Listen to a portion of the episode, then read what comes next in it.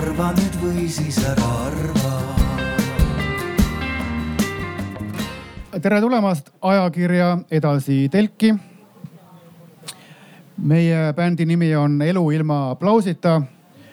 plaksutada pole vaja.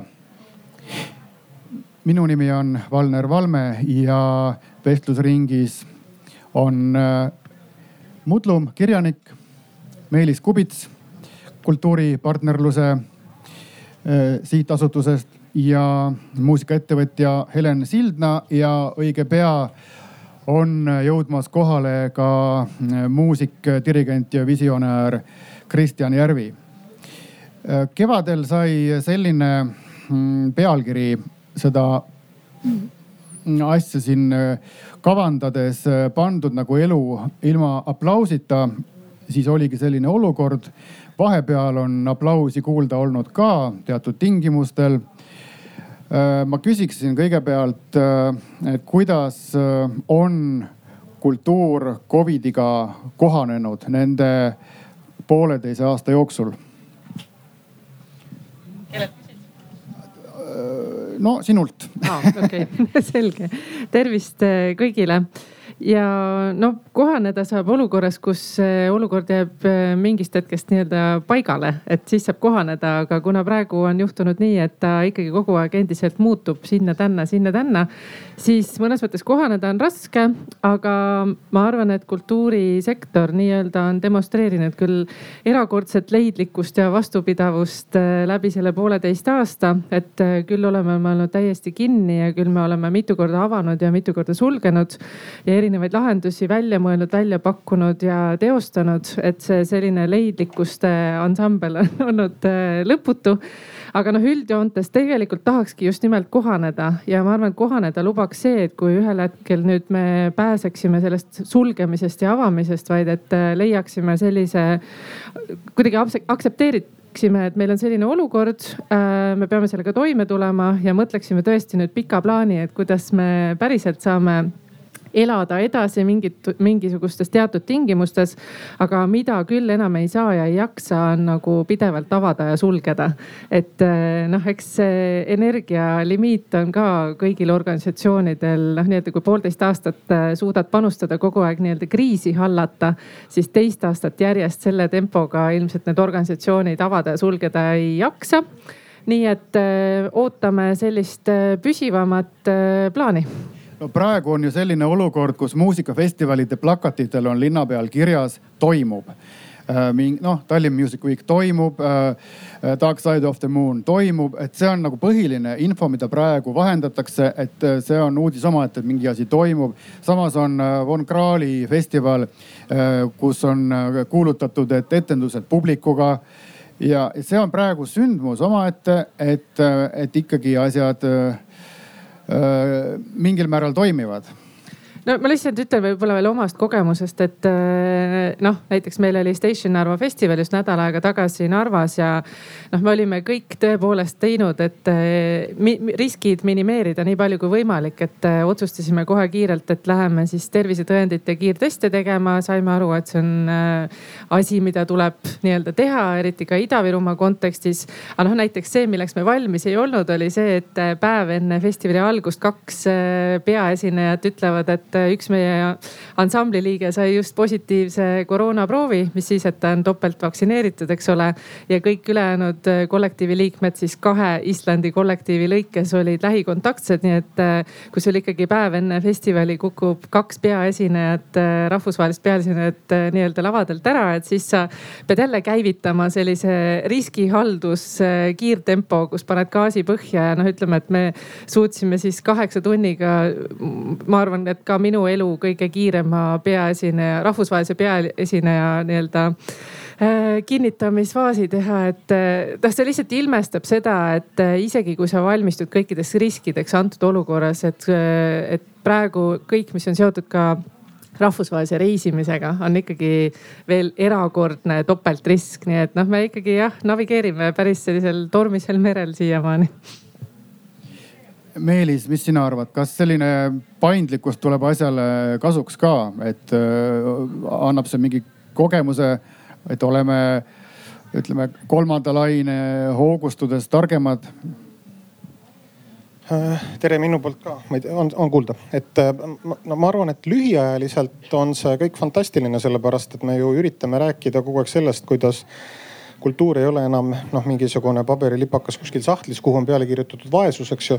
vaid ta võiks olla kuidagi seotud majandusega, ta võiks olla kuidagi nii-öelda ettevõtlus ja kultuur võiksid olla läbi põimuda ja noh, kahekümne esimene sajand on kindlasti selles mõttes selline sajand, kus kultuur majandust veab.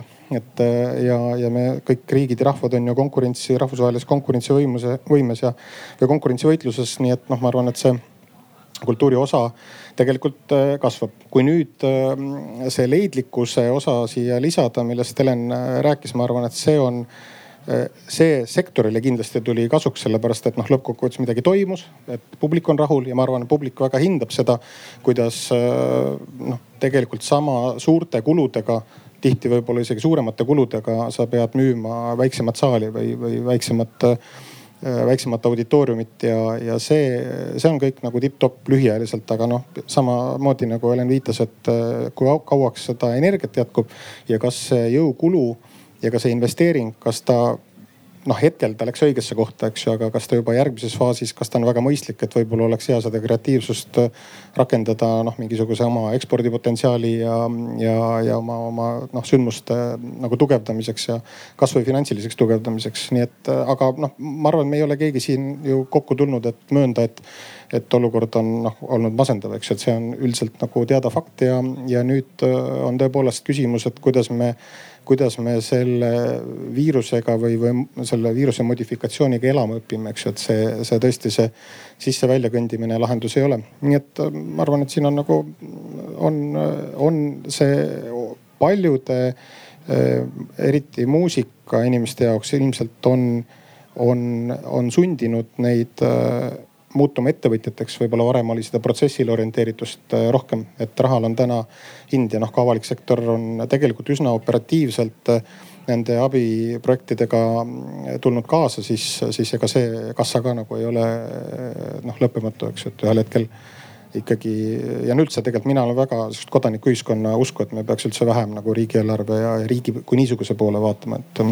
et selles mõttes leidlik on le,, leidlikuks olemine on kindlasti konkurentsieelis nojah, vist kultuur ikka natuke peab selle riigi poole vaatama, sellepärast et maja, noh, mina majandusest ei tea midagi, aga nii palju on kuulda olnud äh, pealkirjadest, et äh, majandus on meil jäänud jalule imekombel ja, aga vot kultuur ei ole vist päris majandus ikkagi, et äh, seal on vaja mingeid turgutavaid süste ja, ja samuti seal on vaja, et, et asjad oleks just nimelt avatud ja et oleks stabiilsus. jah ma nii, nii palju lisan, et äh, möödunud nädalal tuli uudis, et ühe Eesti inimestele, valdavas osas Eesti inimestele kuuluva ettevõtte turuväärtus on suurem kui Eesti riigieelarve. ja see tegelikult okei okay,, võib-olla on mingis mõttes nagu oma mahus erandlik nähtus, aga me näeme tegelikult seda, et äh, nädala pärast äh, me tähistame siin kõik kolmekümne aasta, kolmekümmend aastat taasiseseisvumisest, eks ju ja ma arvan, et ühiskond on noh, selle aja jooksul küll nüüd nii palju juba küpseks saanud äh, nii vaimselt kui ka materiaalselt, finantsiliselt. et, äh, et, et tegelikult meil on kriitiline mass inimesi just selles põlvkonnas, kes kolmkümmend aastat on siin rapsinud hommikust õhtuni selle oma esimese maja ja esimese skuutri ja naise teise kasuka nimel, et, et nad hakkavad võib-olla mõistma, et, et see tagasipanemine ja tagasiandmine ühiskonnale on, on tegelikult see endast jälje jätmise noh, võib-olla kõige lihtsam, lihtsam vorm, et kes ma siis olin, eks ju, kui Mart Laar hakkab sihukest viiesajandat ajalooraamatut kirjutama mingi kümne aasta pärast, et kas ma olin labane kinnisvaraettevõtja või ma olin metseen.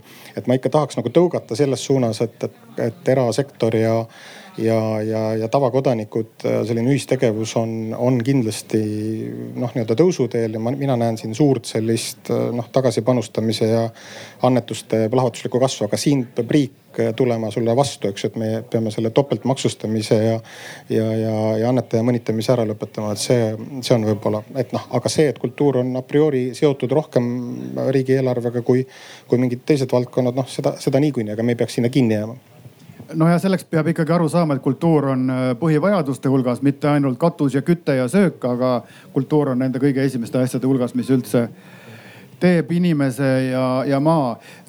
no kirjanikud, eks ole, saavad kirjutada siis ka, kui midagi ei toimu ümberringi. Neid keegi ei sulge aga minu meelest ikkagi, mm, no ma ise olen puudust tundnud raamatu esitlustest ja kõigest sellest tseremoniaalsest poolest. kuidas sina, Made? Tere!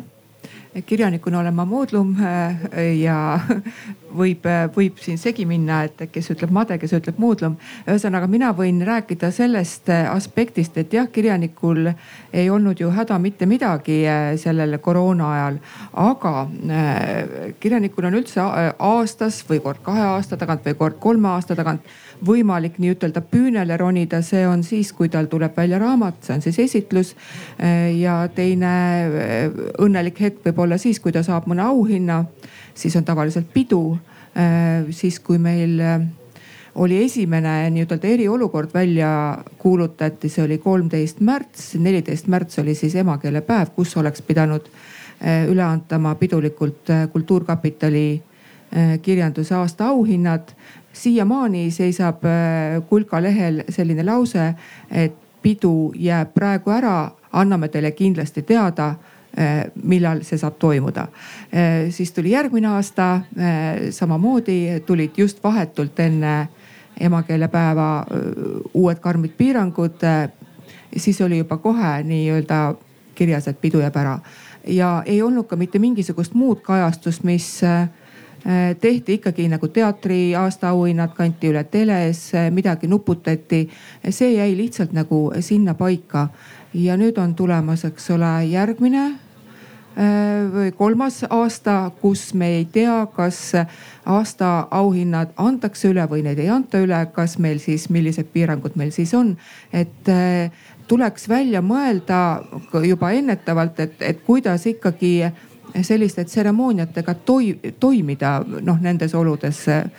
kuidas kontserdid saavad toimuda, et kuidas saaks anda kunstnikele ja kirjanikele nende auhinnad üle, kuidas nad saaksid oma esitlusi teha. sest selge on see, et eh, kogu see virtuaalne, mis eh, noh alguses väga hoogsalt tekkis, virtuaalsed esitlused, virtuaalsed kontserdid. Eh, see ei asenda elavat suhtlust ja, ja, ja inimeste omavahelist kokkupuudet. reaalselt neid lõpuks ei jaksanud vist mitte keegi enam kuskilt Facebooki aknast vaadata, et noh, see ei ole nagu lahendus no vot, vahepeal olidki juba suured muusikafestivalid äh, virtuaalsed, isegi pileteid müüdi nendel. kas, kas selline asi äh, korraks oli, eks ole, huvitav, aga kas selline asi toimiks praegu veel, Helen? ma arvan, et need esimesed sellised digitaalsed laivid olid eh, noh, mingis mõttes sellise hädaolukorra kiire lahendus, et ega ei saa öelda, et see, et eh, keegi mängib oma elutoas eh, muusikat ja sõber võtab telefoniga selle üles, et see ei ole kindlasti nii-öelda nagu tulevikumudel. et ma arvan, et see esimene laine neid digilaive oli super vajalik ja väga oluline, et noh, me nägime, et artistid on elus ja, ja kõike saab teha ja me kuidagi nagu saime kontakti nendega, et oli ka ju ju klubisid, kes äh, nii-öelda DJ-d mängisid ja inimesed tantsisid kodudes on ju. et kõike seda toimus ja erinevas kvaliteedis, aga noh, loomulikult äh, suur küsimus, äh, kui me räägime organisatsioonide jätkusuutlikkust, on see, et me millegipärast oleme harjunud mõtlema, et kõik, mis on digitaalne, peab olema tasuta et tegelikult on nii, et sellise kvaliteetse digitaalse kunstilise kogemuse loomiseks on vaja päris korralikult investeeringuid. Et eh, noh, kui meie nii-öelda uuem põlvkond on harjunud juba, ma ei tea, videomängudega, et eh, olgu see kasvõi meie enda Disco Elysium, mis siin laineid lööb, on ju, et see selline virtuaalne kogemus tänapäevases maailmas on ikkagi hoopis, hoopis rikastatum, et tegelikult kui tahta nii-öelda päriselt ka publikule müüa seda virtuaalset kontserti või teatrietendust või kunstikogemust, et siis selle kvaliteet peab päris palju tõusma ja see vajab omakorda investeeringuid, nii et noh, ma arvan, et see huvitav hetk ongi, et mida me nägime kakskümmend, kakskümmend aasta kevadel ja suvel, oli selline esimene hädaabilaine ja seda me ei saa öelda, et see oli mingi digipööre, vaid et see oli lihtsalt nagu leidlik, leidlikud lahendused. aga noh, nüüd on huvitav näha ka seda, et ka kultuuriministeeriumis oli näiteks noh, selline toetusmeede, mis oli ümberkorralduste meede. et äh, noh, huvitav, mida siis kultuuriorganisatsioonid sinna pakkusid ja kes lõpuks näiteks ka need rahastused said, et see meede oli konkreetselt mõeldud just nimelt selle jaoks, et kuidas äh, organisatsioonina, olgu see galerii või festivali korraldaja või, või, või ma ei tea, raamatupood. et mis on sinu kui organisatsiooni arvates tõesti see arenguhüpe, mis sa pead tegema, et olla nii-öelda tulevikukindel. ja noh, kui me räägime sellest, et milline on tulevikukindel kultuuriorganisatsioon, siis see ei ole mitte ainult koroona küsimus, vaid siin tulevad mängu igasugused teemad, moodsad teemad nagu digipööre laiemalt, eks ole. kuidas me võistleme selle globaalse digitaalse superkvaliteetse sisuga, et noh piltlikult, et kuidas Eesti muusik võitleb äh, Netflixiga. et sa konkureerid ju digitaalsel maastikul palju globaalsemalt ja tohutult kvaliteetsete tootetega ja teine perspektiiv on eh, noh, ka sama meie nagu keskkonnamõjud, et kuidas ka kultuurivaldkonna hakkab seesama nii-öelda rohepöörde kontekst eh, mõjutama, et varsti-varsti eh, me ilmselt peame vestlusi ka sellest, et kuidas nii-öelda kliimamuutus ka meie suuri sündmusi mõjutab, et noh, see on täiesti ka teine perspektiiv. No kultuur jääb digitaalmaailma niikuinii ja isegi see on ka võib-olla äh, süvenev protsess, aga kui me asetame end publiku poolele, siis ikkagi mööda ei saa sellest, et, et kultuur ei ole ainult see asi, mis on laval, see, see sündmus või teos, vaid see on ka publik, kes ei tule mitte ainult kuulama ja vaatama, vaid nad tulevad omavahel suhtlema ja, ja see on täiesti asendamatu tegevus kogu selle kultuurielu juures et, et need inimesed, kes, kes aplodeerivad, need on ju ka ise tähtsad ja neile tuleb pakkuda ikkagi elavat ja päris asja. et ma arvan, et selles mõttes eh, seda ohtu vist ei ole, et nüüd mida, mingi asi jääbki digitaalseks no ma arvan, et äh, alati on ju arengutega niiviisi, et nad ei ole sellised ühesuunalised teeotsad, et on kas ainult live või ainult digitaalne, et ma arvan, et me elamegi sellises ajastus, kus igaüks leiab endale sobiva suuna. et ma arvan, et alati on võimalus, noh nii nagu ma ei tea, vinüülide müük teeb teeb comeback'i, eks ole, samal ajal kui paljud äh, kuulavad streaming kanalitest. et siis ma arvan, täpselt samasugune suund on see, et on kultuuriorganisatsioone, kes tahavadki teha seda väikest intiimset äh, nii-öelda kohapeal oleku kogemust või siis suuremat kohaloleku kogemust. aga kindlasti noh, mina ootan küll põnevusega, et kust tuleb see nii-öelda uue kuulkonna innovatsioon, kultuur, kust saab kokku tehnoloogia kunstivaldkonnad ja võib-olla see kompetents, mis meil mängunduse vallas on, et kus on see uue põlvkonna digitaalne kultuur, et minu jaoks see on küll väga põnev, et, et ma olen täiesti nõus äh, selle väitega, et äh, live kogemus ei asenda digitaalset. aga samas ma arvan, et me veel tegelikult ei ole näinud seda uue põlvkonna tõelist äh, digitaalset kunsti ka, et noh tahaks küll oodata, et siin on tulemas midagi, mida me lihtsalt veel ei oska isegi oodata Meelis, sina vahepeal äh, korraldasid kontserte, kus äh, artistid äh, said esineda, said tasu, kõik oli nagu päris, ainus asi, mis puudu oli, oligi see vahetu kontakt publikuga. mida see projekt õpetas? võib-olla sulle, muusikutele, publiku kohta ei oska öelda? no meil olid kõigil ju kaks tuhat kakskümmend märtsis omad plaanid, eks ju, kes ootas kulka auhinda, kes tahtis, mina tahtsin lauluväljakule kutsuda viissada inimest ja rääkida sellest samast erakultuurifondi loomisest ja rahastamisest ja seda, seda mõtteviisi nagu tutvustada laiemale avalikkusele ja siis nädal aega varem, kui kõik kinni pandi, siis oligi küsimus, et kas me ja selle asja nimi pidi olema Benedict Brunch, eks ju, pidime sööma muna ja rääkima häid mõtteid ja jooma šampanjat peale, et siis need mõtted nagu kristalliseeruksid kuidagi. ja siis oli tegelikult, et kas me siis teeme selle ära või lükkame kuidagi edasi, et noh teadmatusse, mis tol hetkel ju tegelikult domineeris ja siis me hakkasime tõesti Benedikt äh, punkt televisiooni nii-öelda brändi alt tegema neid kontserte, olime seal ka suhteliselt esimesed. Ja, aga minul oli nagu lihtsam, me tulime teadlikult seda turgu rikkuma, et, et meil oli nagu stardikapital kaasas selle fondi tegemiseks ja me saime seda kulutada tegelikult seal, kus kõige rohkem põles, ehk siis nagu klassikamuusika artist tegelikult äh, solist, äh, noh enne kui need kriisi esimesed mingid paketid tulid seal mingi kaks-kolm kuud hiljem, nemad jäid ikkagi väga kuivale. nii et me hakkasime tegema neid kontserte ja, ja, eks see oli kõigile huvitav. seal on tõesti see häda, et, et, et ka see asi äh, nii-öelda äh, laivis, aga ilma publikuta välja näeb, see on ka, on kallis tegelikult, et noh, suurusjärgus siin ei ole mingi saladus. ma arvan, et noh, meil olid niimoodi, et kolmandik kulu oli honorar, me maksime demonstratiivselt head honorari mis jäi natuke alla tuhande euro, eks ju. sel, just selle mõttega, et see võib olla nende inimeste jaoks noh, mõneks ajaks võib-olla ainus sissetulek, eks ju, aga, aga see, et ta helis, pildis, valguses kõik üles võtta ja ka tarbijani tuua, et see on, see on, see lisab sinna noh, kaks kolmandikku kindlasti nagu juurde. ja, ja aga õnneks meie raha sai otsa täpselt sel hetkel, kui, kui me tegime veel selle väljumisfestivali trampliin kus me siis kõik koos väljusime ja siis sellest äh, nii-öelda mm, eriolukorrast sai hädaolukord ja siis, siis tegelikult toimus ka nagu turu, turu, turu avamine. aga ma tahan ühe remargi siin kolleegi äh, lisaks öelda lihtsalt seda, et no mis on minu jaoks täiesti müstiline ja ma noh, esimest korda kuulen seda praegu. ja Kristjan Järvi, tere. et no. et tere, teil on sinna tere, et kuidas äh, ikkagi niimoodi on võimalik, et äh, kui on planeeritud just nimelt tunnustusüritus, ma ei räägi mingist festivalist, eks ju, või, või kontserdist, mis on ka olulised sündmused, aga, aga, aga noh, nii-öelda oma olemuselt on planeeritud mingi mingi aktsioon, mille eesmärk on tunnustada, mis on üldse väga delikaatne, seal peavad olema kõik nüansid nagu klappima, et, et see inimene, keda tunnustatakse, et ta saaks sellest noh, selle naudingu, eks ju, ja, ja selle tähelepanu, seal on nagu palju-palju.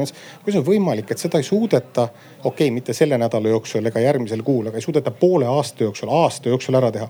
ja ma väidan, et noh, see on nagu tegelikult ka selles mõttes noh, noh üldse avalikule sektorile laiemalt, eks ju, nagu teema et noh, me oleme ka oma selle kolmekümne aasta iseseisvuse, taasiseseisvumise perioodil, me ikkagi oleme seda näljasust oleme kaotamas. eks ju, et kui ma vaatan, äh, ma olen seotud Ukraina suurima klassikalise muusika festivaliga Odessa Classics, mis on nullist ehitatud, siis nemad ühena vähestest Euroopas tegid korraliku viiepäevase festivali kaks tuhat kakskümmend suvel. Eestis ei toimunud mitte midagi, noh nii-öelda analoogsetelt üritustelt, eks ju, Saaremaa ooperipäevad näitasid seina peal neid vanu videosid, eks ju. Et mingid seal inimesed mingi võileivad, asjad onju. ehk siis tegelikult, aga seal oli erakorraldaja Odessas, eks ju, erakorraldaja, kes vastutab oma publiku, vastutab oma partnerite, oma toetajate oma rahvusvahelise mingi network'i, sest ta ei saa seda lihtsalt lubada, et, et ta nagu jätab aasta vahele, võtab kaks aastat vahele.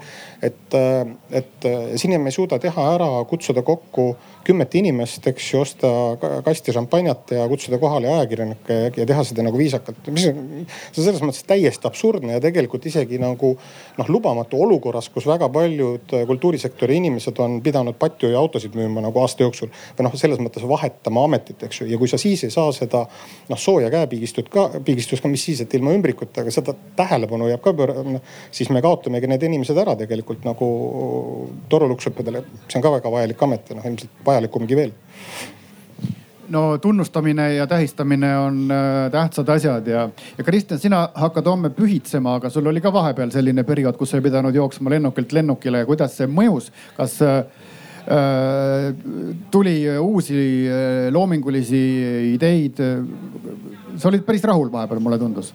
no tegelikult on niimoodi, et äh, siis kui äh, sa nagu selles rattas ei ole, eks ole siis on väga ohtlik aeg, tähendab äh,, tähendab teistele sellepärast, et siis mulle hakkab kerkima jube palju ideisid. ja, ja siis äh, tähendab äh, inimesed hakkavad noh, lihtsalt nagu äh, oma sellest mugavustsoonist välja liikuma. ja tegelikult täpselt see juhtus minu orkestriga, kus ma leidsin uue suhtlemisviisi. ja põhiliselt me alustasime ühe seeria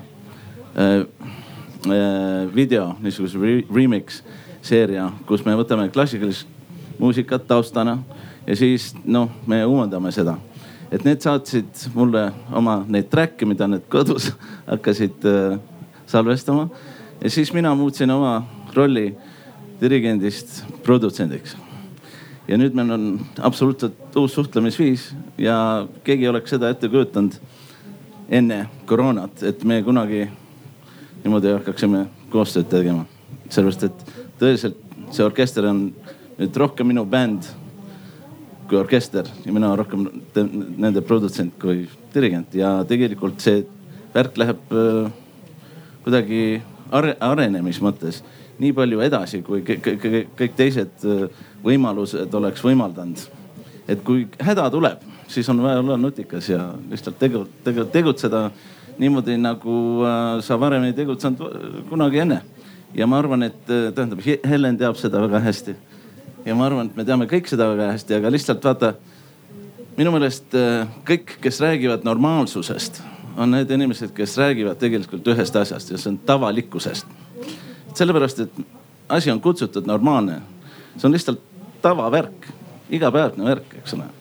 ja ma arvan, et äh, me peame seda endale selgeks tegema, et tavaline ei ole hea tavaline on lihtsalt tavaline, see ei ole eriline ja kõik need inimesed, kellest me räägime kes on midagi suurt ära teinud maailmas, need on erilised inimesed, mis ei teinud tavalisi asju no see vahepealne aeg pani pingutama küll ka, ka suhtlemisel. kui palju äh, sina, äh, Mudlum, äh, suhtled oma lugejatega ja kuidas see on muutunud viimasel ajal? Ma ütlen vahele, me tulime juhtumisi koos üle Paide keskväljaku ja juba kargas ligi üks tuttav, võrdlemisi tuntud isik ja ütles, et ta on sinu fänn. kas niimoodi selliseid kohtumisi on tihti? no pärast seda viimast raamatut on äh, jah äh,, sellega ma olen nii-ütelda orbiidile lennanud, ütlen häbi tundmata aga, aga kohtumisi on jäänud ära igasuguseid või, või on nad kuskile nii-ütelda nihkunud äh, Äh, kuni nad võib-olla ei toimugi, eks ole, sest et siis ei ole ma enam aktuaalne, noh.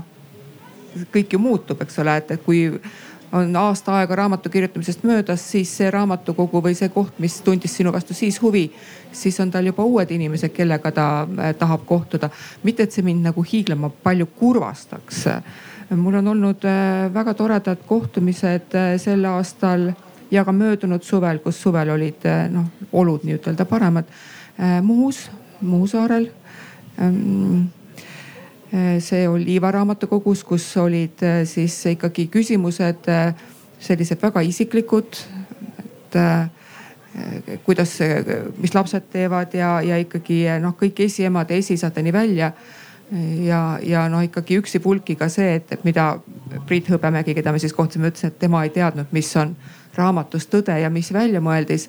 seal need inimesed üritasid selle ikkagi nagu viimse peensuseni välja selgitada, mis on tõde ja mis on väljamõeldis, see on, see on see, millega mina pean kohtumistel tavaliselt rinda pistma no.. no Õnne kolmeteistkümne osatäitjatelt küsitakse ka, et kuidas elu seal tänaval on või kuidas kohvikus hinnad on. et selles mõttes sellega vist peab leppima. aga ma mõtlen, et need on äh, sellised asjad, mis võib-olla ei too erilist tulu äh, ei kirjastusele ega sulle endale, aga need on kuidagi nagu ikkagi äh, hingeliselt või, või nagu mõtteliselt on nad tähtsad, eks ole, sellised silmast silma kohtumised lugejatega ja kirjanikega jah, eh, noh eriti arvestades seda, et, et, et see kirjutamise töö on selline eh, väga üksildane töö ja eks seda natuuri poolest teevad ka inimesed, kes väga seltsi ei otsi. aga, aga noh, vahel ikkagi nagu tahaks ja no need on need vähesed võimalused. esiteks tõesti saada seda elavat tagasisidet päris, päris inimestelt, kes on, eks ole, lugenud su raamatut ja no siin on ära jäänud selle koroona tõttu ju ühte, teist ja kolmandat, kõik need Brüsselisse sõidud. Need on mingisugused lugematud mingid Zoom'i videod, mida minul tuli esimest korda teha. Need olid ikkagi nagu naeruväärsed üritused, ütleme niimoodi. mingid Riia kirjandusfestivalid, mis noh, nagu nii-ütelda toimus ja toimus Zoom'ina. väga kahtlen, kas keegi seda vaatas. noh, et, et et nalja kui palju, aga mis nagu, mida ma tahaks öelda, et see kõik ei ole halb ma ei tea, kas see nüüd äh, juhtub nii või ei juhtu nii, aga oletame, et, et veel kolm-neli-viis aastat noh, ei toimu selliseid üritusi nagu äh, kuldsete munade üleandmine äh, Kalamarja saatel. et kas siis ei oleks põhjust juba nagu ümber vaadata kogu see süsteem, et üldse, üldse mingeid auhindu, kas neid üldse peab andma? Noh, sellisel juhul, et võib-olla võiks selle nalja nagu ära lõpetada, sest mina tunnen teatavat kergendust et äh, minu jaoks on need äh, üritused ära jäänud, et no esi, esimesele sellisele noh, väiksele kurvastusele järgnes tegelikult kergendus. et, et noh, siis nagu tegelikult pole olnudki seda. Siis on kõik nagu vanasti no, nojah, vot see, mis asi on normaalsus, et see ongi muutuv ja, ja see on hinnanguline, sellepärast et äh, no vahepeal ei saanud enam kellelegi helistadagi, siis öeldi kohe, et kuule, lähme Zoom'i, et siis oli vaja üksteist näha, eks ole. aga samas äh, Kreeka ajakirjanduses oli karikatuur, kus äh, siis see koroona peaga uudistediktor ütles, et tuli on kontrolli all, nüüd läheme tagasi normaalsusse. et jah, et kui nagu sa ütled, kui see asi jääbki kestma või siis noh lainetena, eks ole et siis me peamegi võib-olla mingis uues olukorras mingid täiesti uued äh, lahendused äh, leidma äh,. Kristjan kas see praegune noh hetkel nagu ei tundu kriis olevat, me oleme siin koos, aga, aga kas see viib meid kuhugi täitsa uuele tasandile? sina ütlesid, et tavalisus ongi jama, et. Ei no mitte ja no tegelikult eh, ma ei ütleks, et jama, aga see on lihtsalt tavaline, no tead, kui sul see meeldib, siis sul noh meeldib. aga ma arvan, et, et äh, see ei pruugi kõikidele meeldida ja ma arvan, et äh, vaata äh, need asjad, mis me ta tavaliselt tegime, nagu saime sõpradega kokku, käisime kinos ja tegi te,, noh tegelesime oma hobidega, ma ei tea, ükskõik mis, eks ole. see minu arust ei ole küllalt nüüd sellepärast, et kui ma saan kokku oma sõpradega ja siis lähen kinno, noh siis ma nagu tahan rohkem midagi ja ma arvan, et see, see on mõnes mõttes kõige parema, kõige paremas mõttes äh,, progressiivses mõttes on, on mingisugune areng. ja ma arvan, et kõik äh, suuremad arengud on ajaloos tulnud läbi kaose, eks ole. tead, ma, ega ma ei taha niimoodi Napo Napoleoni siin tsiteerida, aga tegelikult tema ütles, et kaos on ju, see on see moment, kus tegelikult võib uue maailma luua tegelikult kõige paremas mõttes.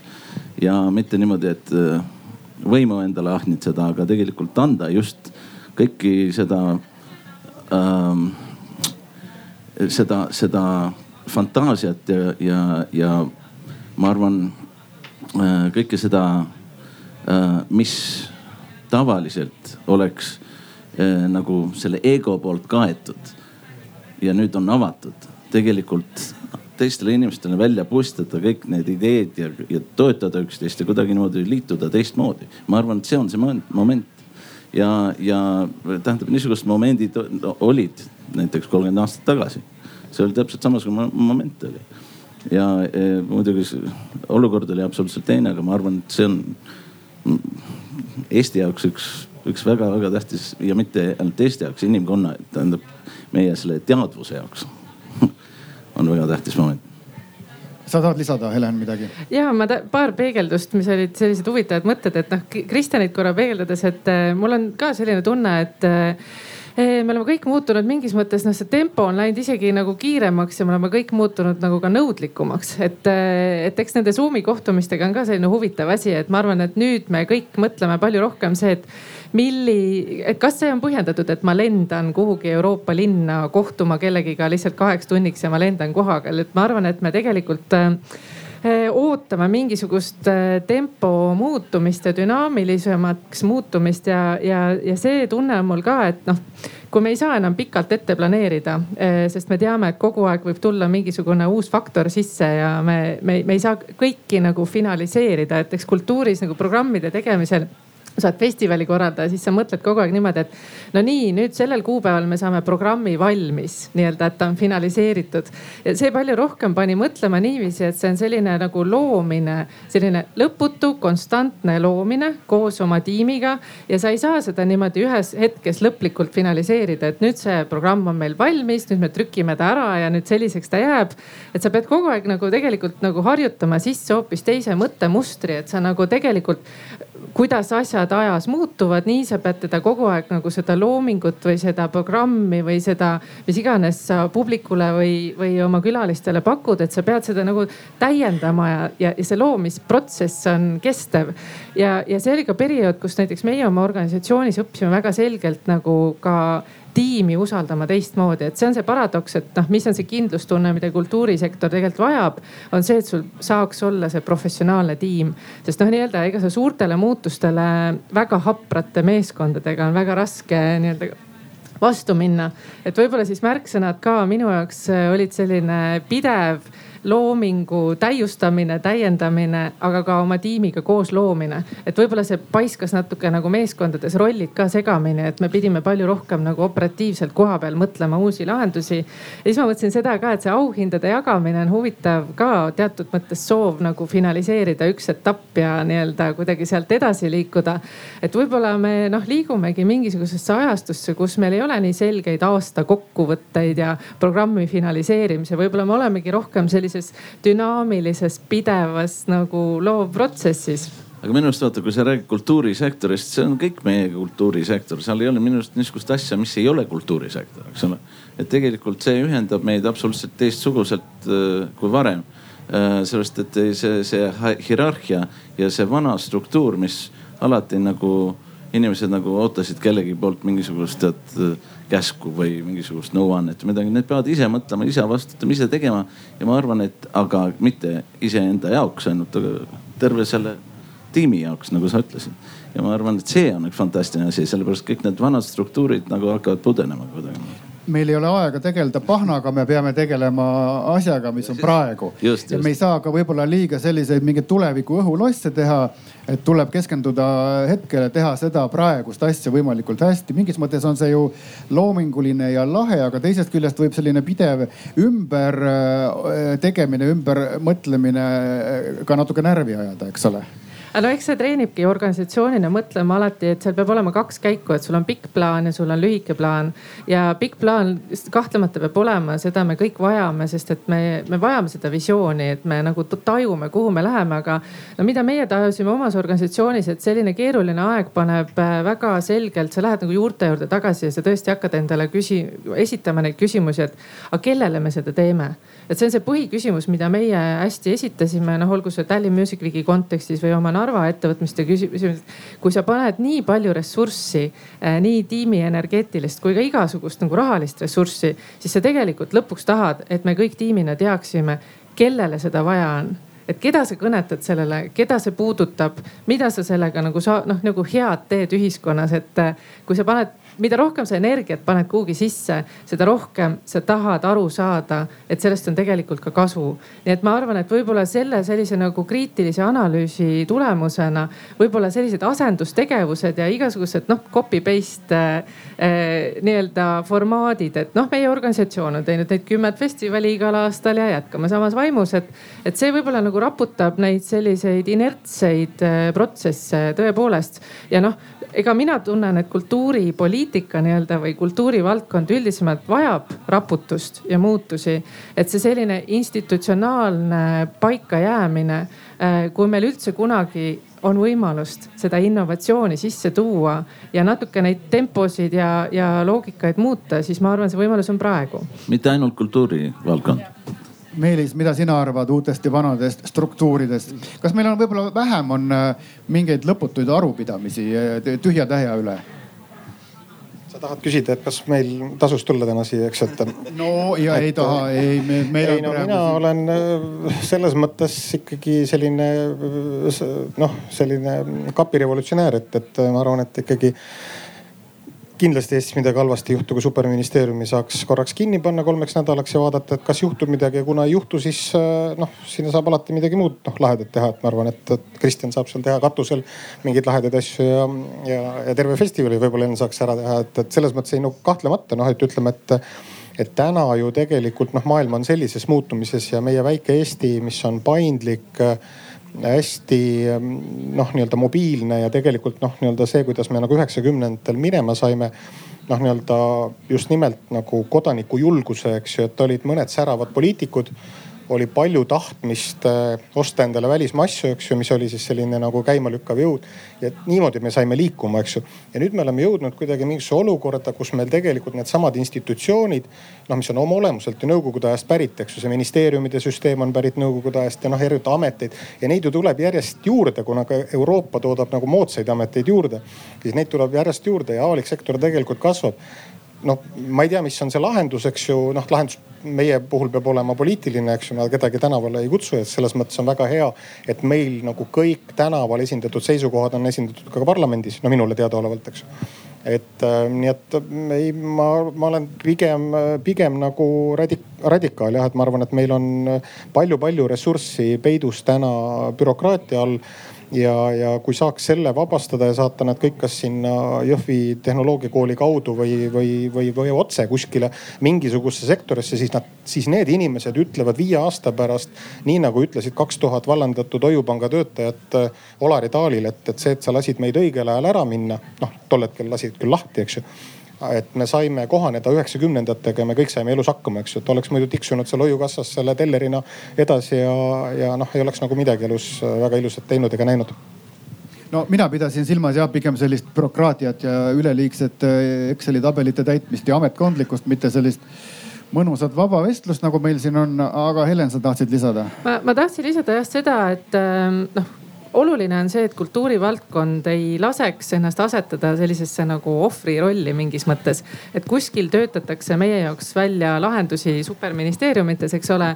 ja see on see, see enesekindlust kasvatav äh, protsess olnud ka viimase pooleteist aasta jooksul, et ma, ma, ma julgen väita, et need lahendused kus valdkond on ise oma hääle nii-öelda kuuldavaks teinud, läinud dialoogi erinevate ministeeriumite, riigikantseleiga, terviseametiga. noh, kultuuriministeerium loomulikult äh, kureerib suures osas neid vestlusi.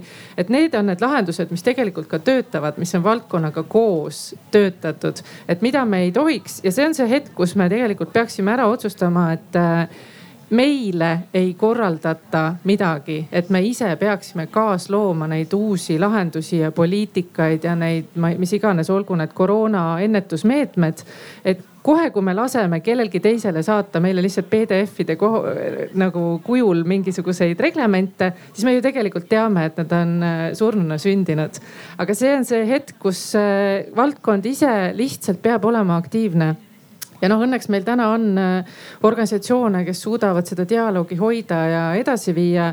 ja no meil see sektori enda tegijate hääl on äh, tõusnud ja noh, nagu Meelis, sa mainisid ka, et tõsi see on, et need kultuuri nagu institutsioonid pärinevad meil ju nõukogude ajast. ja tegelikult noh, me peame kogu aeg säilitama kriitilise meele, et kas see on täpselt see, mida meil tulevikuks on vaja. kas näiteks tulevikuks on meil vaja üldse, ma ei tea, kultuurivaldkonna innovatsioonikeskust nagu on, ma ei tea, Startup Estonia, eks ole, et. et võib-olla me vajame hoopis ka teistsuguseid organisatsioone. innovaatiline oleks hoopis see, kui seda keskust ei oleks ei tea, me, ma usun selles mõttes ikkagi organiseerumisse, et anarhia nii-öelda nagu selline nagu vabad radikaalid meid ka kuhugi ei vii, et me peame ikkagi suutma selleks, et hääl muutuks kuuldavaks, me peame ikkagi koondama mingid prioriteedid. selles mõttes organiseerumine on vajalik, aga, aga me peame suutma kirjeldada seda tulevikku, kuhu me jõuda tahame ja siis mõtlema, et milliste meetodite abil Äh, Mudlum, sina oled vist üsna isepäine kirjanik, vähemalt ma olen sult saanud kutse esitlusele, kuhu ma küll kahjuks ei jõudnud, aga, sinu enda aeda. kui palju sa vajad institutsioone ja kui palju sa orgunnid oma loomingulist äh, ja korralduslikku elu ise? Äh, ma võin vist öelda, et ma ei vaja neid üldse, aga ma ei ole nendega ka pahuks siis selles mõttes, et ma olen lugenud ühte ilmselt see oli magistritöö, mis siis oli äh, selle rühmituse Saumi kohta.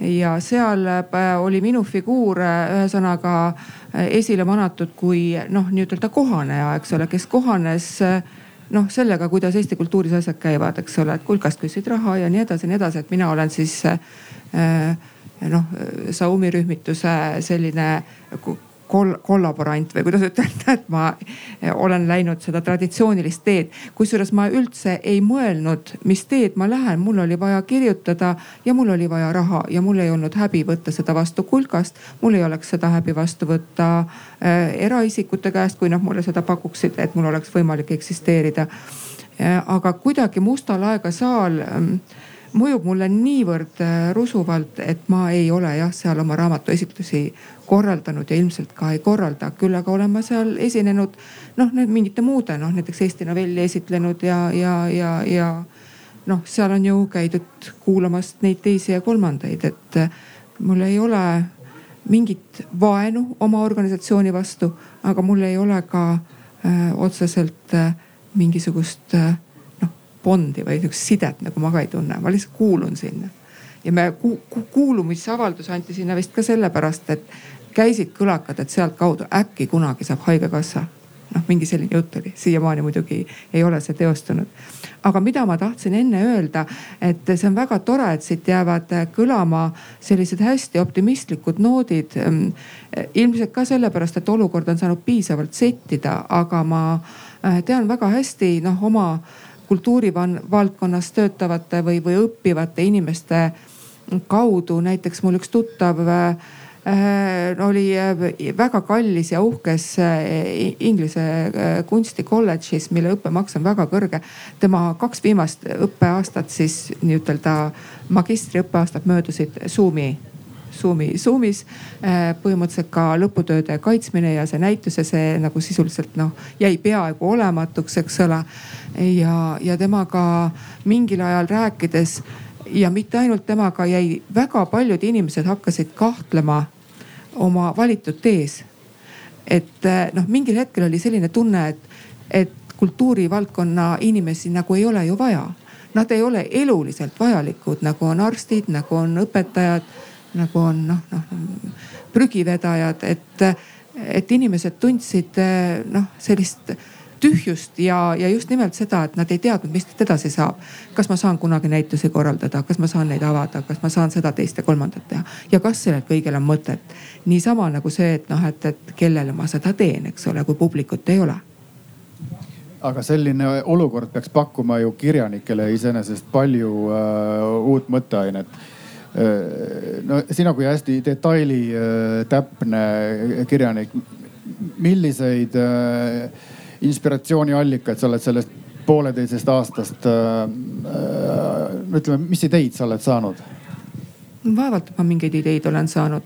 ma olen elanud need poolteist aastat äh, nii nagu ennegi ja ilmselt teinud läbi kõik need igasugused asjad peas, mida, mida enamik inimesi hirmust kuni ükskõiksuseni äh, noh ei ole kirjutamiseks hea aeg. selleks on kuidagi liiga intensiivselt et äh, see foon on liiga intensiivne. Äh, uudisfoon, kuna mul äh, kahjuks, kahjuks rumalusest võtsin vastu ka Postimehe arvamus kolumnisti töö, mida on küll kord kuus, aga see on selles mõttes nurjatu ülesanne, et ühtegi teemat ette ei anta. ja ma arvan, et esimesed kolm-neli kolumni, kolm kuud pidin ma kirjutama ainult koroonast, sest lihtsalt mitte mingeid muid teemasid ei eksisteerinud ühiskonnas.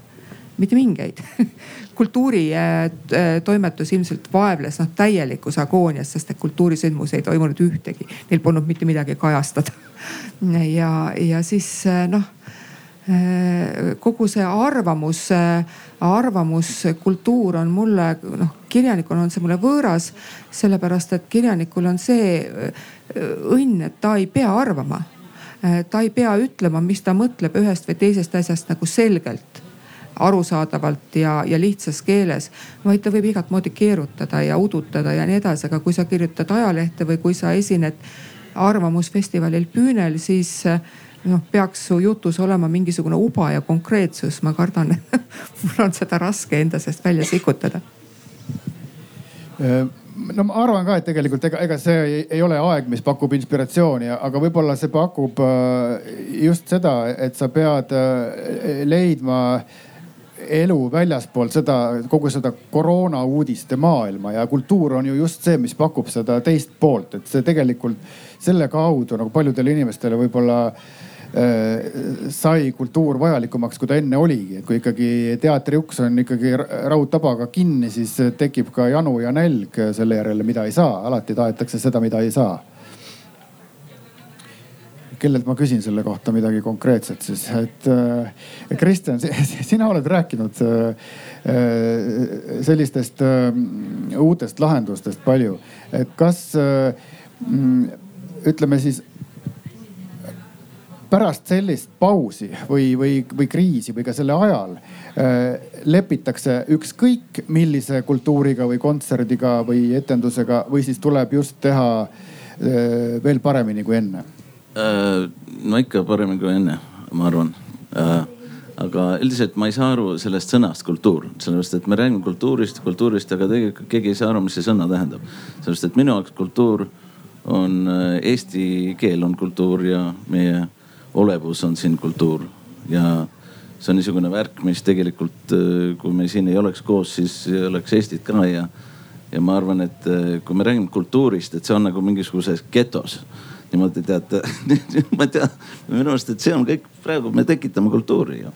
ja, ja, ja ma arvan, et äh, isegi kui meid, meie infrastruktuur on kultuur ja meie arstid on kultuur ja kõik see ökonoomia, aga kõik peaks olema nagu meie moodi tehtud, eks ole, sellepärast et meid on väga raske niimoodi taanistada ja, ja venestada ja rootsistada ja saksastada. meil ikka niisugune, see tuumik on nii tugev nagu mingisugune raudnael, tead, et ikka võid mättasse lüüa küll, aga ikka tuumik on seal ja sellepärast me olemegi siin, see on meie kultuur, eks ole.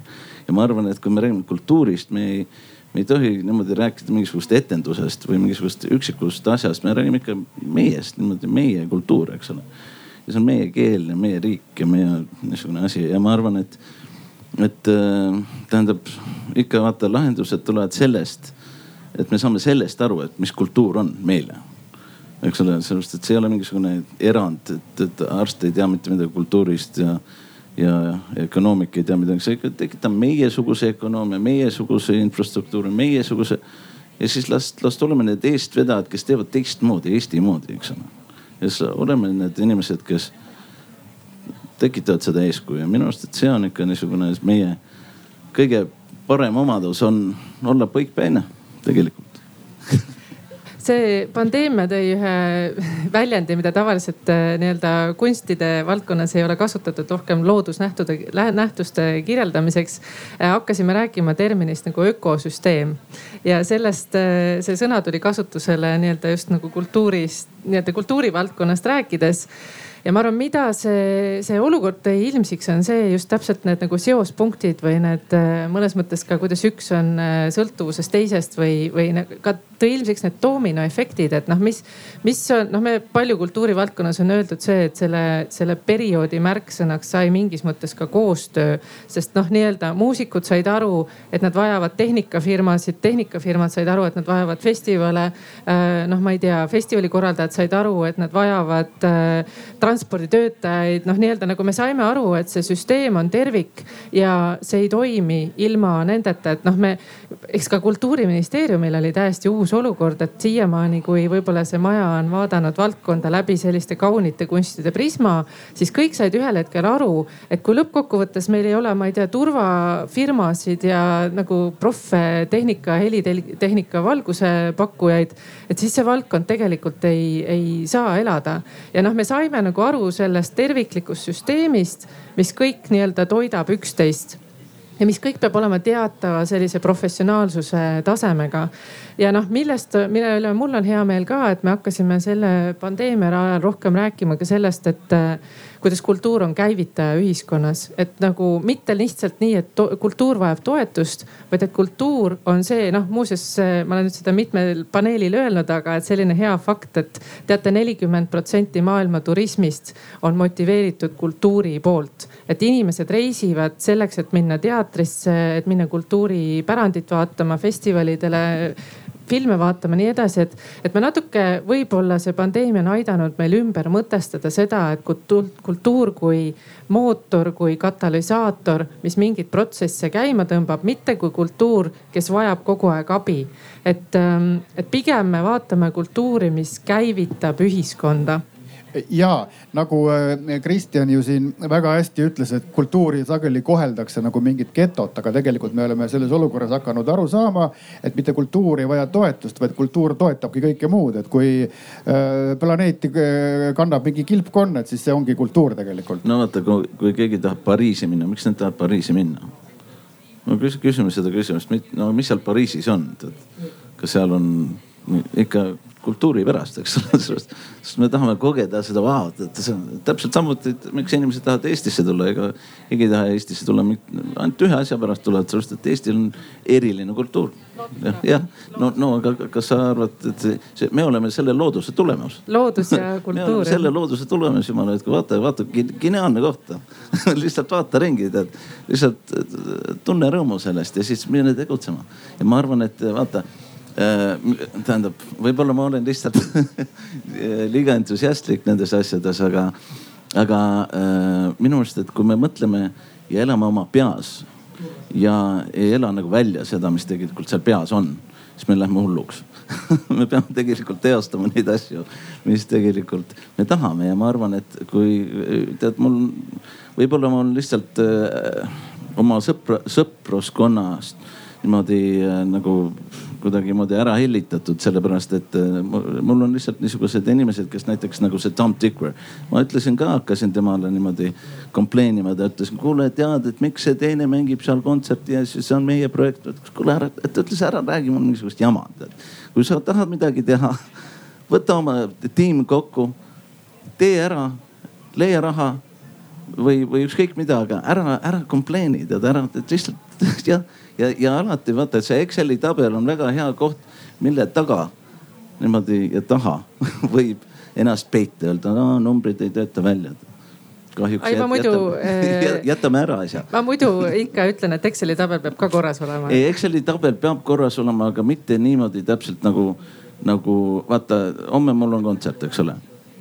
ja tähendab, kõik ennustused peaksid olema minu vastu. aga ma ei, jäta seda ära sellepärast et eks eh, see on üks suur eh, teema minu meelest üldse, et kuidas nii-öelda kultuurivaldkonnas eh, riske hinnata, eriti praegu sellel nagu Covidi perioodil, kus seda tundmatut on hästi palju. aga noh, siis tegelikult mingis mõttes selline, noh see Exceli tabel tead, teatud hetkel pakub ka väga palju sellist nagu mingis mõttes kindlustunnet, et sa Muidugi. tegelikult tead, kus sa oled ja sa noh, me kõik oleme selles perioodis ju teinud neid stsenaariumeid, et sul on see stsenaarium üks, kaks, kolm ja, ja see on oluline mingis hetkes ka tegelikult meeskonna jaoks. absoluutselt, kuule, ega me ei taha äh, terve aeg olla pankrotis, eks ole aga, aga äh, me võiksime eksist, eksisteerida mitte ainult raha tegemispõhimõttel, eks ole ja me, äh, kui, kui me leiame õigeid partnereid, õigeid diile ja mõtleme äh, natukene laiemalt kui ainult selle Excel tabeli sees, siis tegelikult me investeerime ja tegelikult tekitame absoluutselt suuremat sündmust, kui see väike Exceli tabel võimaldab meil mõelda isegi. ja ma arvan, et, et, et paljud, paljud inimesed lihtsalt äh, äh, muidugi äh, ma, ma ei, raha on niisugune väga niisugune äh, delikaatne küsimus, eks ole, ja seda ei ole isegi Elon Muskil ei ole seda küllalt, eks ole. sellepärast, et tema tahab isegi suuremaid asju teha. aga, aga kunagi seda ei ole küllalt. aga, aga meil on inimesi küllalt ja meil on seda inimjõudu äh, küllalt ja meil on fantaasia, mis, mis tegelikult äh, on küllaltki rikas ja ma arvan, et äh, kui me teeme lihtsalt, millest me räägime, oma kultuurist, eks ole ja oma kultuuri propageerimisest ja üldiselt, kuidas see võib mõjutada teisi. ma arvan, et see võib mõjutada teisi, kui me oleme väike ja väga paindlik ja nutikas ja me võiksime olla see eeskuju, eks ole, mis võib-olla äh, isegi Ameerika ükskord jälitab, mitte niimoodi, et kuule, teeme kõik Ameerika moodi, võib-olla seal ei ole kõik õige, võib-olla Venemaal ka on, no me teame, et seal ei ole kõik õige.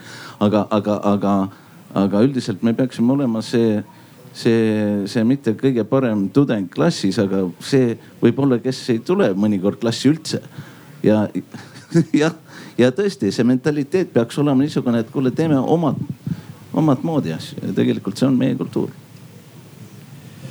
äh, vabandust, mul on lihtsalt niisugused mõtted. ei no need on äh, väga head mõtted, aga ma, ma tulen tagasi ikkagi selle juurest, et kultuur on kõik, millega ma olen nõus, eks ole. Äh, ega neid niite nagu läbi kuskilt ei, ei raiu, et siitmaalt kultuur lõpeb, et see jõuabki inimeste mõtlemiseni ja, ja, ja kõigeni riikliku väärtustamiseni välja, aga kui me võtame ikkagi kultuur kui kaunid kunstid ja, ja need ikkagi äh, tahavad raha ja loomeinimesed tahavad äh, raha. kas, kas on mingi imeasi või võluvõti, kust seda raha saab, kas näiteks võiks suurkorporatsioone trahvida niimoodi, et igasuguselt nende pangatehingult läheb mingi kübe maha mm, kultuuritegijate kontodele või, või, või no see on, see, seal on üks niisugune. võtavad metsi maha, las siis maksavad selle eest. seal on üks niisugune firma, Migros äh, Šveitsis, eks ole, mille omanik äh, oma testamendis äh, käsutas niimoodi, et selle firma, noh, mis oli tema isiklik firma, eks ole.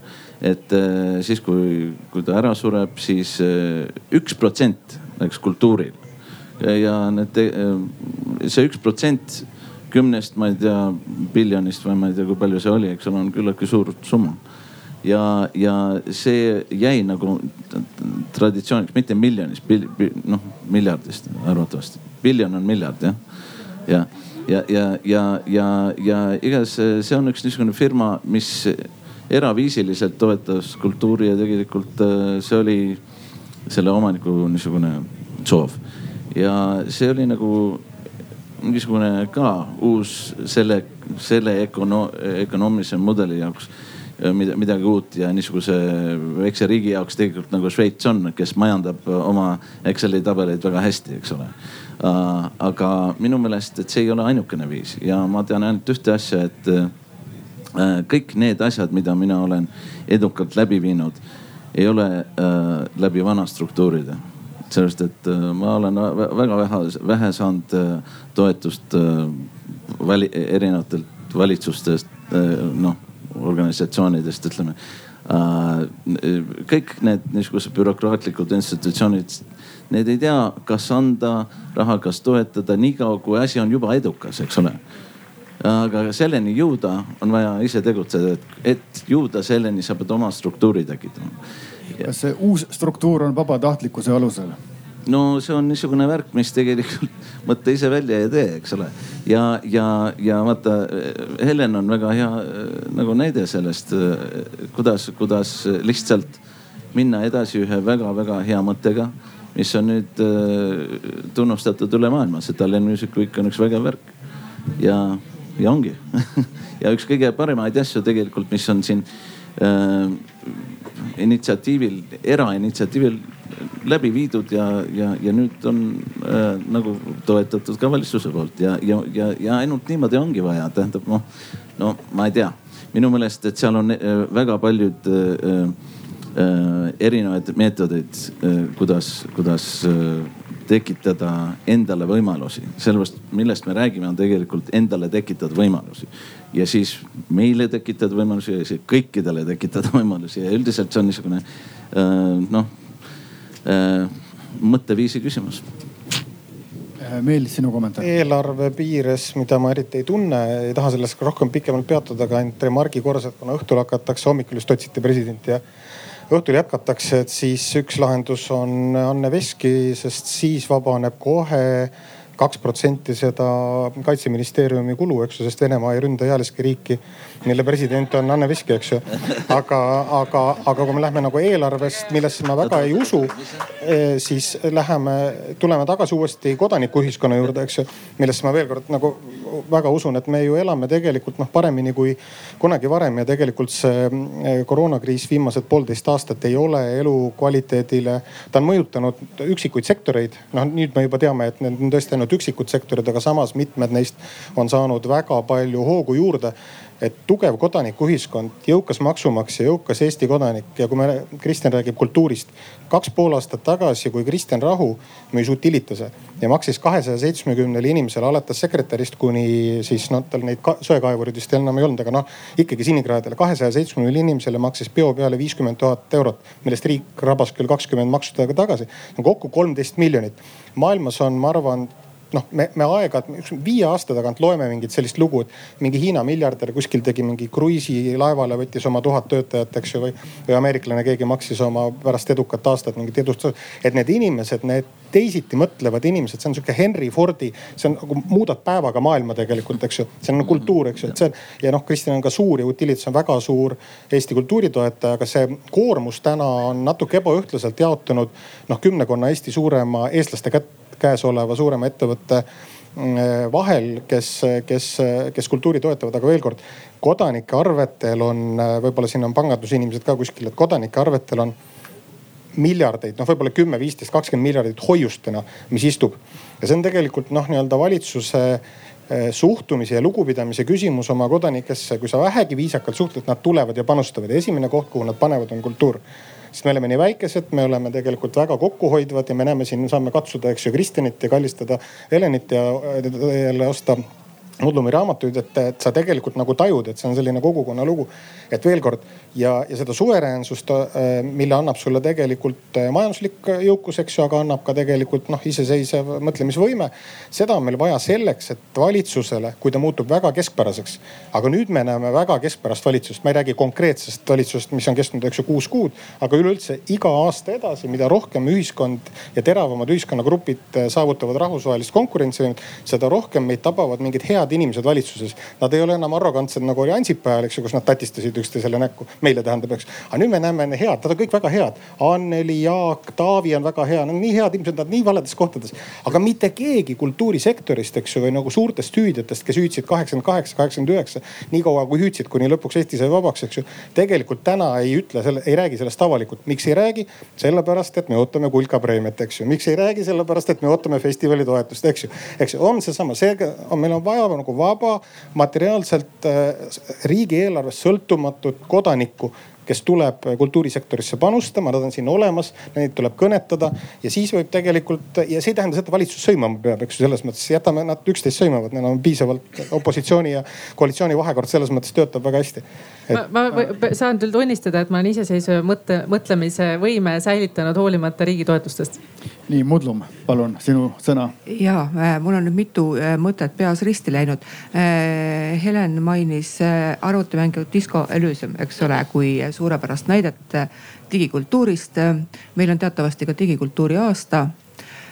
ja ähm, Kristjan rääkis äh, enda struktuuride loomisest. no mina juhtumisi natuke tean, mitte küll väga täpselt, aga kuidas äh, Disco Elysiumi loojad äh, lõid oma struktuuri, mis on kaugel riiklikest, väga kaugel ja kui nüüd see mäng osutus, eks ole, maailmas väga edukaks, siis eh, siiski ma ütleks, et Eesti meedias jäi domineerima selline kõhklev hoiak ja eelkõige kuidagi nagu nina kirtsutas, et ah, neil on ju need noh, selle, selle ärimehe rahadega tehtud asi ja kes seda veel tegi, eks ole, nimetati ainult ühte nime, kellel nagu mängu loomisega väga suurt sidet ei olegi. hea uudisena ma võin öelda, et hoolimata sellest, et arvatavasti on Eesti turg, äh, tibatilluke äh, on siiski otsustanud äh, firma Saum tõlkida selle mängu eesti keelde ja mina olen selle mängu toimetaja praeguse seisuga, et see mäng peaks millalgi eestikeelsena tulema, mis on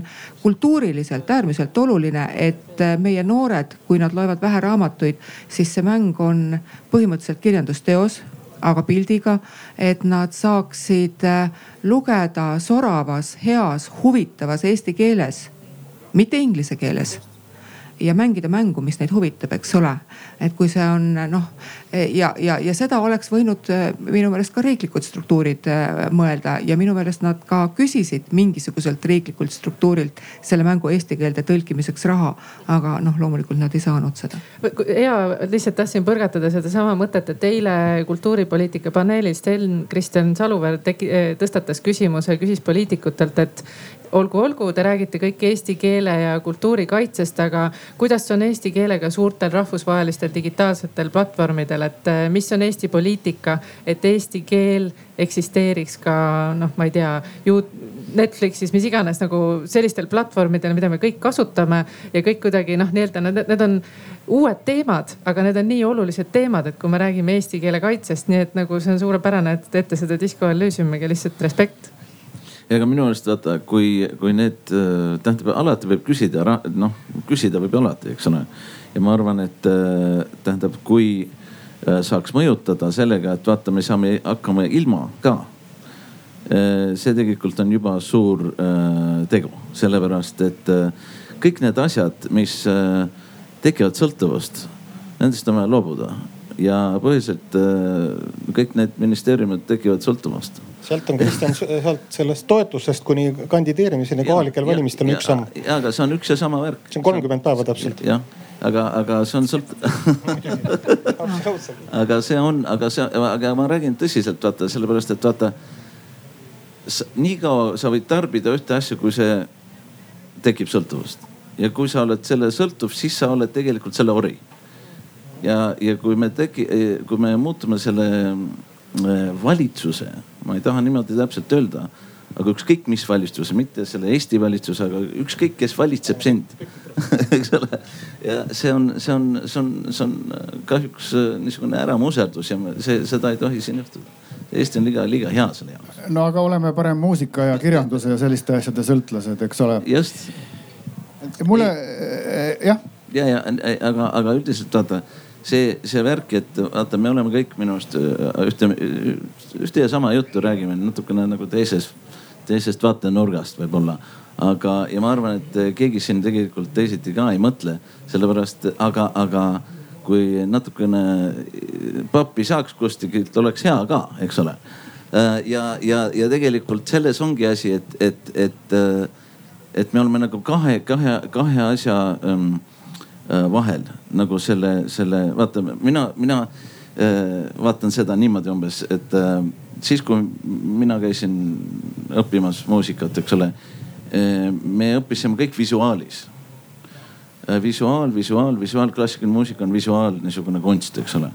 aga tegelikult siis sa vaatad seda pop ja džässmuusikat ja kõik on äh, nagu kõik kõrva peal, eks ole, kõik seal seda visuaali üldse ei ole ja me oleme nagu tead, ütleme nagu, nagu see tava niisugune, niisugune struktuur on visuaal, eks ole. see on see vana tegelikult, millest me nagu siis, kui veel pidi äh, salvestama niimoodi, et sa kirjutad nagu seda nooti, eks ole, sellepärast me teame Mozartit, sellepärast et teist salvest, salvestusvõimalust ei olnud, eks ole. ja see nagu jäi, eks ole, ja me elame kõik sellega ja toome seda kaasa niimoodi, aga ei, ei uuenda aga me peaksime nagu selle kõrva mängimise peale minema üle, sellepärast et tegelikult see on see päris maailm ja ma ei taha niimoodi päriselt. aga kui te saate minu sellest loogikast aru, minu orkester on ka niimoodi, et me, me, me, me alguses vaata, ma olen võib-olla üks, ma ei tea, viiest dirigendist maailmas võib-olla, kes paneb oma orkestrit äh, pähe õppima asju, eks ole aga mitte pähe õppima sellepärast, et me, et meil on midagi lihtsalt erilised olla, aga, aga tegelikult see tekitab niisugust vabadust ja, ja loob niisuguse organismi seal. et minu roll nagu dirigent ei ole tegelikult niisugune hierarhiline dirigent, eks ole, see on lineaarne, me oleme kõik dirigendid siis.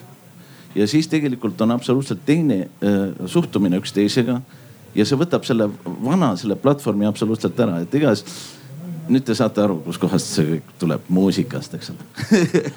Ja et äh, jah, ma, ma, ma loodan, et see natuke niimoodi selgitab minu seda äh, äh, jah, mõttemaailma.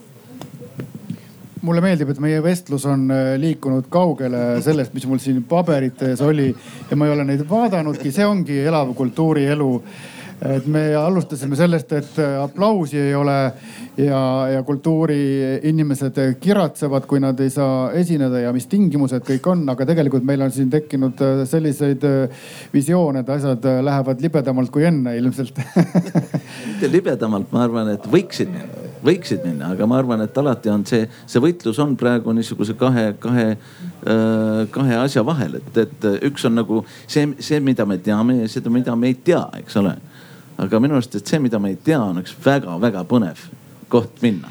Aga ma võib-olla lihtsalt ütleks siia juurde ka, et eh, ma olen täiesti nõus sellega, et nagu mugavustsoon nagu pideva sellise eh, joonena noh, nii-öelda innovatsiooni ei tekita nii palju kui noh, muutused ka. Aga eks tõsi on ka selles, et pidevas ebamugavustsoonis me ka ei suuda eksisteerida, et noh, selles mõttes ma olen nõus ka teie poolt öelduga enne, et et meile on hästi oluline, et nii-öelda need talendid meie valdkonna jääksid alles ja tegelikult kindlustunde pakkumine on siiski ka oluline. et eh, meil on erinevad nagu tüpaažid ka kultuurivaldkonnas, et mõned eh, on sellised, kes sellised, sellised nagu muutusest ja adrenaliinist nii-öelda saavad energiat ja elatuvad ja loovad, aga teised on sellised jälle, kes vajavad kindlustunnet ja me peame looma süsteemi, mis sobib erinevatele inimtüpaažidele, et me ei saa, me ei saa ühetaolised olla, et me ei Absol saa. absoluutselt, aga, aga minu arust, et ei ole vaja kellegi teise süsteemi siia asutada. minu arust, et on vaja luua oma süsteem ja ma arvan, et. meil on ka erinevad tüpaažid, isegi aga, ja aga, aga absoluutselt, aga, aga, aga mitte niimoodi nagu Lätis ja mitte nii nagu Soomes ja, ja, ja aga samas Lätist ja Soomest me saame ikkagi õppida ka. absoluutselt et... ja nemad, nemad saavad meiest õppida ka andke palun lõppu nüüd igaüks üks kultuurisoovitus äh, omalt poolt või midagi ilusat sügiseks kaasa ja siis tuleb äh, küsimuste voor äh, sinust, Kristjan. kultuurisoovitus äh, on üks väga hea kontsert tulemas homme Rakveres. No jah, see on see koht ka jah minu kultuurisoovitus on viia ennast kurssi muutuva kultuurikalendriga. Äh, muuseas, järgmise nädala pärast äh, soovitan kolleegide festivali Jazz Car. Äh, me oleme, ma mõtlesin selle peale ka, et me oleme harjunud mõtlema niimoodi, et alati, Jazz Car on alati kevadel. aga nüüd me peame harjuma ära ka sellega, et meie armastatud festivalid ja kultuurisündmused on sellised liikuvad pühad, et me võime neid leida kevadisi festivale hoopis sügisest, nii et nagu oleme ise ka nii-öelda tähelepanelikud, jälgime, millal meie armastatud festivalid ja, ja igasugused sündmused toimuvad ja, ja oleme ikka nende sündmustega koos. nii et minu soovitus on jälgida muutuvat kultuurikalendrit, aga minna džässkaarele mul otseselt sellist oma lehma ojas ei ole, eks ju, et mul on. see ei olnud ka minu lehm. ja, ja, ja ma, see oli, ma põrgatasin pigem Kristjanile, aga ma arvan, et, ma arvan, et see teat-, see suvi ja see teatrisuvi näitas äh, seda, et eestlane on endiselt, kuigi meil teatriinimesi siin ei ole praegu laua taga, et on endiselt teatrirahvas, et see per capita me kindlasti kõige, kõige rohkem käime teatris, nii et ilmselt teatris enam minema ei pea. et äh, mina võtan võib-olla põrgat-, võtan võib-olla võtan selle palli, mille Kristjan õhku viskas, et äh, ja noh, viskan ta nagu selles mõttes üldisemaks, et, et äh, et prooviks ise midagi teha, isegi kui sul ei ole vastavat ähm, ettevalmistust, eks ju. minu näol võiks see siis tähendada midagi niimoodi, et me kunagi vara lahkunud eriklassiga ajasime seda Steinbergi klaveri asja ja nii kõvasti ajasime, et äh, ostsime ta lõpuks ära, kuigi Tallinna linna käest noh korralikku koslepit, et mida rohkem, mida suur, mida altruistlikum projekt, seda rohkem kindlasti sõimata saab. ühesõnaga suveräänseks olemine on eel, eel, eeskätt ka olla kahtlustatav, eks ju. sellepärast, et miks ta seda teeb. normaalne inimene viib kohvikannu koju, tema tuleb klaveriga, eks ju. et see on tegelikult noh, sa, et me teeme, me teeme kindlasti Steinway kuuenda aast klaveri saabumise aastapäeva puhul ühe kontserdi septembrikuus, aga, aga see kava on veel täpsustamisel ja mina kui noor noor produtsent ei oska seda veel, veel kirjeldada. nii et kui teil on paberkalender seinal, siis jälgige, kuidas see muutub nii Äh, remargi korras ühele varasemale siin õhku visatud väitele, et e, inimesed ei kritiseeri meie nõmedat valitsust sellepärast, et nad ootavad riigilt raha või kulkalt auhinda. Äh, ei vasta võib-olla päris tõele, vähemalt äh, mina pesen ennast küll puhtaks. mitte ühtegi oma sõna ei ole ma kirjutanud sellepärast, et saada auhinda ja mitte ühtegi minu sõna ei ole keegi kuidagi poliitiliselt senitseerinud ega, ega, ega muutnud ja kui ma seda Postimehe töö vastu võtsin, siis ma mõtlesin ka, et kas ma olen paistnud silma nii konservatiivsete hoiakutega, et mulle sinna tööd pakutakse äh,. aga aga nad ei ole jah, nad on ära alla neelanud kõik, mis ma olen kirjutanud, sest ilmselt on ikkagi artikli puudus nii suur äh,. ja kultuurisoovituseks äh, on siis see, et, et ostke, lugege eesti kirjandust, aga lugege ka väliskirjandust, lugege tõlkekirjandust ja minul on kuidagi muuseumid hinge peal, ma kuidagi, ma, ma olen endale lubanud, et ma lähen nüüd, ma lähen vaatan seda, teist, kolmandat muuseumit. ja ma, ma tegelikult olen terve suve olnud Muhus ja e tegelenud ehitustööga, kus ma võin öelda, et väga huvitavad inimtüübid, kes on kõik Eesti kultuuri osa.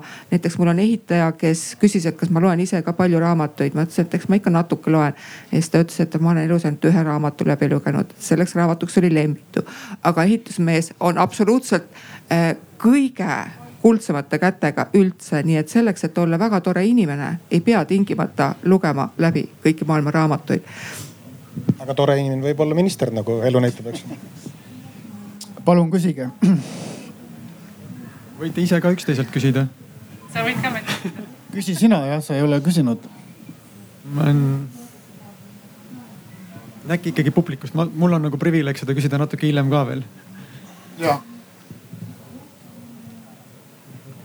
ma pöördun äh, Kristjan Järvi poole ja võib-olla siis sealt edasi, et mina sõidan äh, oma koduteel Tallinnas kogu aeg mööda laululavast.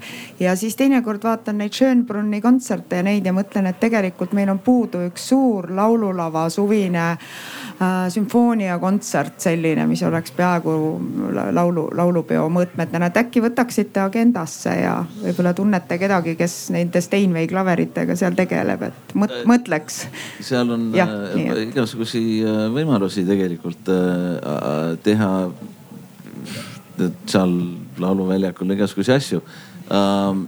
aga ähm, nagu ähm, Meelis ütles, et äh, alguses on vaja vastu pead saada. ja siis miks me teeme seda, eks ole kui tegelikult laululava on laulu jaoks. mis sa tuled oma orkestriga sinna, tekitada mingisugust oma äh, äri, eks ole. Äh, see on niisugune väga-väga-väga niisugune äh, taoline asi, millest on vaja üle vaadata ja kui teha midagi, kui, kui, millel on äh, tõeline niisugune kontseptsioon, tähendab äh,, mis, mis on eriliselt mitte, vaata Schönbrunn on, Schönbrunn väga hea Viinis, see töötab meie jaoks, on niisugune oma traditsioon, mis on ka asutatud omal ajal ja mingi Straussi seal ja seal on nende värk. aga meil peab olema mingisugune oma asi, mis, mis on sarnane, aga, aga mis toob meile mõnu ja minu arust, et, et vaata see laulupidu idee on tegelikult see, aga miks ta nii, miks ta nii harva on? tegelikult meil, me võime laiendada seda ideed äh, mingisuguseks iga-aastaseks traditsiooniks. Võib-olla mitte seda suurt üldlaulupidu teha, aga midagi taolist, eks ole. ja muidugi inimesed on üritanud seda teha ja siis see on tõeline Eesti. ja see, see, see tõel-, see, sellel on mõtet. aga on, tähendab, kui ma tahan Straussi minna kuulama, siis ma läheks Viini kas ma võin sekundeerida ühe mõttega, üks asi, mis mind kultuurikorraldajana kõige rohkem paelub, on see, et tuua ootamatu sisu ootamatutesse kohtadesse. noh näiteks ma vaatan äh, Mihhailile otsa ja nädal aega tagasi me korraldasime festivali äh, nimega Station Narva, Narva linnuses ja see tunne, kui sa saad äh, nii-öelda kolmeteistkümnenda sajandi linnus, mis on Euroopa ja Venemaa piiri ääres ja sa saad sinna nagu tänapäevast muusikat, kunsti, kultuuri sisse tuua. see on väga võimas ja nii-öelda nagu ma võib-olla unistan ka jah sellest mängulisusest, et nagu, et laulukaar on võimas koht, aga et noh, mida kõike me veel saaksime seal teha, nii-öelda erinevaid asju, et nii-öelda, et meil oleks julgust kultuurivaldkonnas mänguliselt nii-öelda ka ajaloolisi paiku täita täiesti uue ootamatu sisuga, et see on see, mis mind väga väga paelub. ja aga ma, põhiliselt see on kõik võimalik, ainult kui me äh, ühineme tegelikult äh, mingisuguse mõtte all. ja ma arvan, et äh, kui me räägime siin kõik, mis on võimalik, siis on ainult võimalik siis, kui me oleme koos tähendab äh, mitte niimoodi, et kuule, et, et nagu ma ütlesin alguses, et keegi ikka niimoodi kahtlustab ja et miks ja noh. aga see ei ole Eesti probleem, see on ülemaailmne inimkonna lihtsalt inimtüübi niisugune kadeduse probleem. see ei ole Eesti Eestis võib-olla see tundub, et see on niisugune eestipärane värk, sellepärast et me tunneme kõik üksteist. aga eh, üldiselt Ameerikas on sama asi. et, et see on see, aga muidugi sealt, seal valitsus ei anna raha ainukene, ainukene vahe Nar. Narva käis läbi, ma tegelikult paarkümmend sekundit, et, et kui nüüd nii palju, kui kellelgi jõudu ja võimekust on, siis Narvat võiks küll üritada toetada, sest äh, järgmine nädal on seal see Vabadusfestival, eks ju, mida Vaba Lava seltskond korraldab ja see on sattunud ikkagi väga turbulentsesse tsooni, sellepärast et äh, tublid kommunaalpoliitikud võtavad ilmselt maha praeguse linnapea, kes on olnud meil siin nagu Eesti Vabariigi poolne esindaja seal linnas esimest korda viimase kolmekümne aasta jooksul. päris oma esindaja on riigil täitsa olemas olnud ja ilmselt ta, ilmselt nad võtavad ta maha ja, ja ja noh, tegelikult äh, ma arvan, et äh, või noh, mul on selline tunne, et ähm, riigikogu kultuurikomisjoni poolt äh, välja valitud need neli riiklikult tähtsat kultuuriobjekti, mille, mille sekka Narva Gate ka sattus, noh on oht, no mul jällegi mingi selline, on, on selline oht, et kas see valik, eks ju, või vähemasti selle valiku järjekord kuskil parlamendis enne kohalikke valimisi läheb, kui mitte päris ümbervaatamisele, siis seda üritatakse pidurdada, aga kui me Narvat nagu korda ei saa või oma, oma piiri linna eest ei hoolitse, siis ei taha kellelegi siin mingisugust väga nagu musta stsenaariumit joonistada, aga mina käin Ukrainas väga tihti ja kui ma varem käisin sellepärast, et, et nii-öelda Eesti kultuuri eksporti seal edendada ja inimesi sinna viia, siis täna on seal vaja sellepärast käia, et vaadata, mis saab siis, kui sa oma piirialadega ei ei tegele ja siis on ainuke tõesti Anne Veskile loota, et siis mingit muud varianti ei ole. ei no et minu arust, et see on väga-väga tõenäoline värk tegelikult, millest sa räägid, et ainukene viis ongi mingisugune kuidagi niimoodi äh, intrigeerida. toetada Narva Selenit ja Mihhaili toetada, Märt Märt Meost ja Allan Kaldojat ja, ja hullumeelset Reigo Ahvenit, kes samal hetkel on ka Rakveres, Paides ja Saaremaal, eks. aga ta on ka Narvas. aga, aga õige, õige, absoluutselt, aga absoluutselt õige ja ma arvan, et kõik peaksid nagu seda nagu teadlikult end, niimoodi enda teadvusesse tooma seda tegelikult sellepärast, et aga kuidas, eks ole. minu arust, et siiski mitte niimoodi, et peale suruda mingi, mingisugust äh, värki, eks ole, aga lihtsalt nii ägedaks teha seda Eesti asja, et seal ei ole mingisugust võimalust tegelikult mitte liituda, sellepärast et see on nii äge. ma lihtsalt tahtsin ka öelda, et äh, mitte lihtsalt asi ei ole selles, et Narvat peab toetama, aga tegelikult Narva on tohutult äge. Äh, ma, ma ütlen, mina oma viimaste aastate kultuurilised kogemused olengi suures osas saanud sellest linnast, mis on rahvusvaheline, mis säriseb erinevate kultuuride kohtumisest, kus tekivad diskussioonid, vestlused inimestega, mis mitte kuskil mujal ei teki. kus tekib, sa tunned füüsiliselt, et sa oled nii-öelda ida ja lääne kohtumis paigas, et, et lihtsalt äh, pigem toetage ennast sellega, et minge Narva, et, et Narva, Narvat on vaja ka toetada, aga lihtsalt tegelikult Narvas juhtub asju, mida mujal ei juhtu kõige positiivsemas mõttes. minu arust, et just ta, Narvat on vaja toetada, aga mitte üle võtta ja ma arvan, et see ongi just, just see väga tähtis äh, balanss seal, et, et äh, ja ma arvan, et kõik need elanikud seal oleksid jube tänulikud ka. sellepärast, et see on üks niisugune need, tähendab psühholoogiliselt vaata, keegi ei taha olla ju kellegi teise, nagu me rääkisime varem. et ikka niimoodi äh, nagu sa ütlesid, äge, piiri peal, Euroopa osa nagu niisugune uks Venemaale, eks ole. ja, ja nendel peaks olema niisugune tunne, et jah, me oleme jube, jah, jube hea olukord nii et meie vestlusringi pealkiri oli Narva tagasi ja, ja kui siit ei ole muud kaasa võtta, siis et Anne Veski presidendiks nagu on Meelise idee. kas on veel küsimusi? nii hea.